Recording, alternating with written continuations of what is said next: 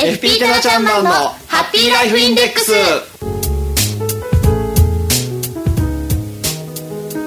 FP タナちゃんマンのハッピーライフインデックス。この番組はあなたの夢と未来をトータルサポートするライフサポート有限会社の提供でお送りします。私たちと一緒に明るい未来幸せな生活になるためのマネーライフを考えてみませんか？この番組ではあなたからの質問やご意見も受け付けています。番組の放送中でも大歓迎ですしその他の曜日いつでも OK です。メールで送ってくださいね。タナちゃんマンへの応援メッセージもお待ちしています。宛先は fm768-p-wave.ne.jp メッセージの宛先と同じです。Fm768 アットマーク p-wave.ne.jp でお待ちしています。今日はですね第1週なんですがタナちゃんマン登場していただきます。さあそれでは今日も早速一級ファイナンシャルプランニング技能士でありライフサポート有限会社代表のタナちゃんマンをお呼びしましょう。あなたもご一緒に。せーのタナちゃんマンはいこんにちは棚橋です。こんにちはタナちゃんマン今日はですね、はい。第1週ということなんですが登場してくれてありがとうございます、はいお待ちしておりました、はい今日はですねマネーのお話ということなんですけれども。いやこの前にねこのスタジオは久しぶりじゃないですか私。はいそうですね。だからこの前はねはい、ね、お電話でね、させてもらいました。ちょっとすごく今日は緊張してますけど。はい、はい、どうしましょうっていう感じで。リラックスして、はい。私の方が緊張しちゃうじゃないですか。あそうですか？ドキドキしてきましたよ。ちょっと頑張ります。マネーのお話といってどうしてもねちょっと硬いお話なのかなとあ思いつつねはいなんか。私も緊張してしまいましたが、はい、じゃあ今日はどんなお話で？えっと私、はい。私に今振られましたが、はい。難しいです。ちょっと教えてくださいよ。あ、そうですか。はい、わかりました。はい、そうですね。はい。はい、じゃあ今日はですねええ、あの最近、えーよくご相談をさせていただいてて、あの感じることがあるんですけれども、あのまあ住宅をねマイホームを購入しようという方の最近ご相談がすごくちょっと立て込んでて多いんはい、えーこうコンサルティングをねさせていただいてますと、この住宅ローン控除っていうのをね、あの耳にされた方多いと思うんですけれども。はい、あ聞いたことはありますけれども、はい、で住宅ローンを組まれた方は、あー税金が返ってきますよっていうような、ね、お話なんですけれども。こうそのライフプランニングをしているとその今住宅ローン控除があるからやっぱりなかった方が、ね、マイホーム購入した方が今いいんでしょうかねっていうご質問がありますのでこう、まあ、住宅ローン控除ご存知なのかなっていうことでコンサルティングを進めていくとちょっとこうクエスチョンマークが頭の周りに見えてくるんですよね。名前は知っているけれど内容までは、みたい。なねそうね。で、はい。えーあそうなんだ。言葉だけは聞いたことあるけど どういうものなのか分かあの分かっていらっしゃらないんだっていうことを最近気づいてきまして。なんかちょっと控除って書いてあるから、はい。ちょっとなんか免除してもらえるのそうなんですよね。するのみたいな意識はあるんですけどなんですよね。じゃあどんな風にどうやってだどういう申そうなんですよね。そうなんですよ。ね。皆さんそういうあの感じなのでちょっとお話ししようかなと思ってちょっと前置きが長くなってしまいました。申し訳ないんですが、ねあのーまあ、サラリーマンの方ですね、まあえー会社員だとか公務員の方はですね、えーぼちぼち年末調整のお用紙をね会社の方から受け取られて、まあ、あー出してくださいねっていうのがね、えーそろそろ来てる頃だと思うんですけれども。で、えー10月の中旬から下旬にかけて、まあ、生命保険ご加入されていらっしゃる方は生命保険会社からですね、えー生命保険料控除の証明書っていうのが郵送でお手元に、ね、届いてますよね。ね。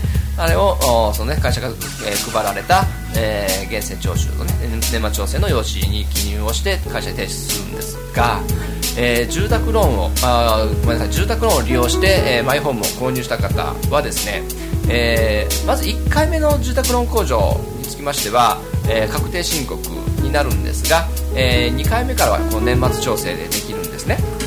はい。でえーこの住宅ローン控除はですねこういった先ほど言いました生命保険料控除とはちょっと方式が違ってまして、えー生命保険料控除っていうのはあー所得から控除をしていただける控除なんですよはい、例えば、えー年収が500万ですとおおむね所得額が200万弱ぐらいですかね。あの課税所得っていうのがね、はい、いろんな控除額を引かれた後の、えー課税される対象となる所得っていうのが170万とか80万ぐらいになると思うんですけれども、えーそこから生命保険料控除って最高5万円引いてもらいます。でそれに対して税率がかかって、えー税えー、税額あの、ね、源泉徴収される税額っていうのが決まるんですけれども、えー、住宅ローン控除につきましては税額控除っていう方式を取られています。そうですね。はい。なので控除には所得控除というのと税額控除という2種類の控除方法があります。で、えー、生命保険料控除あるいはその確定申告しなくちゃいけない、えー、医療費控除とかね、えー、雑損控除とかありますけれどもそういったものは全て所得控除なのに対して住宅ローン控除は税額控除です。ということはどういうことかというと、えー、源泉徴収年末調整で決まった税額がありますよね。本来だと、えー、納めなくちゃいけない税金所得税、えー、それが丸々控除されるという形。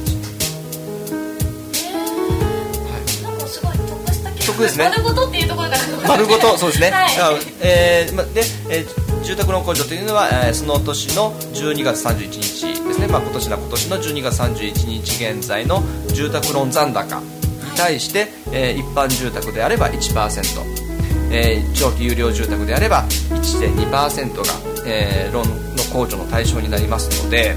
ですので例えば今年の12月31日現在で、えー、住宅ローンの残高が3000万ありますよっていう方ですと一般住宅でしたらあ3000万の1%ですから30万ですね。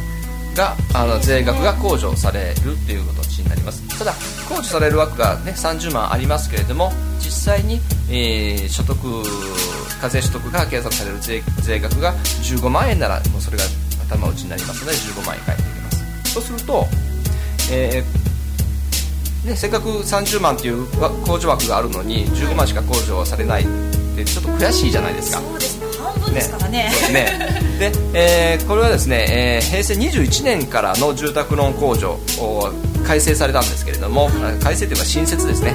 新設されたんですがあ、えー、21年以降はですね、えーえー、所得税から控除しきれなかった、えー、控除枠は住民税からも控除しますよっていうふうに変わってます。所得税プラス住民そうですね、はい、住民税。そうですね、はい、ですので、えー、これこちらの方はですね住民税につきましてはあ9万7500円という頭打ちがありますので、はい、えー、それ以上控除できる枠が残っててもそれ以上はもう控除できませんということにはなっておりますけれども、えー、所得税プラス最高9万7500円の住民税控除がありますのでね、えーまあ、ほとんど税金がかからないような形になりますよっていうのがあ住宅ローン控除の仕組みになってます。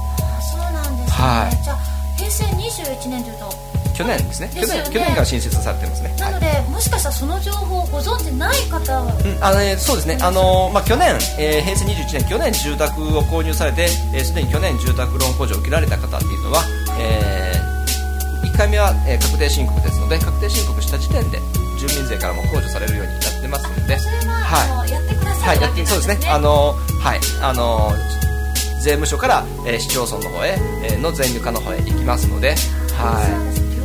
はい、そうですね。そういうのだ意外と縦割り行政じゃないですね。この辺はね。はい。はい。やっぱりね、あの夢のマイホームですからね。はい。マイホーム購入したいなと言われる方も多いかもしれませんし、このブライダルの時期ですよ。10月11月。そうですね。で、あのお子さんができたりしてね、やっぱり一軒家欲しいな、庭で遊ばしたいなっていう方なんか。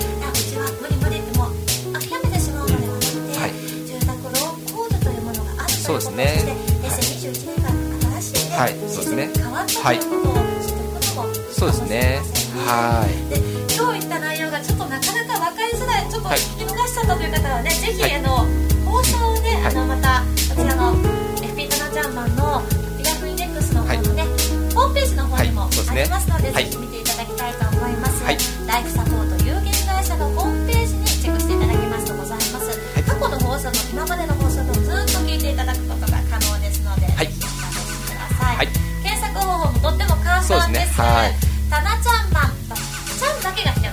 タナちゃん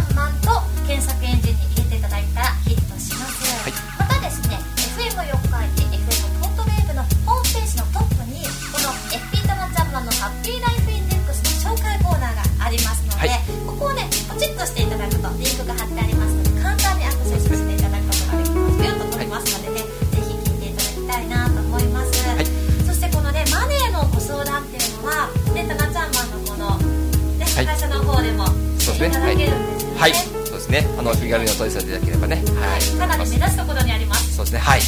タナちゃんマンのおイラストが書いてある自販機もありますので。はい。はい、はい。えー住所はね四日市の生和町というところにありますのでね、はい。あの祭事霊さんがある交差点の角ねありますので、はい。おお気軽に。エクワ町を行っていただきますとね、あタナちゃんマンだってすぐね、はい。マークがどどんとそうですね目に入ってくるかと思います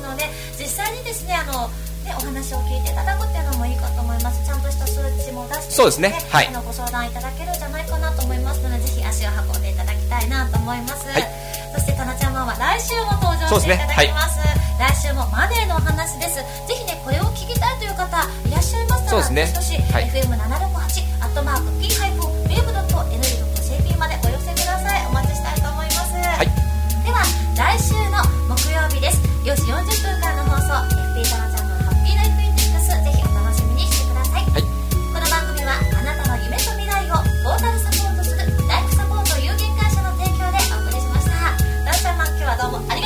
ざいましたそありがとうございました。それでは失礼します。バイバーイ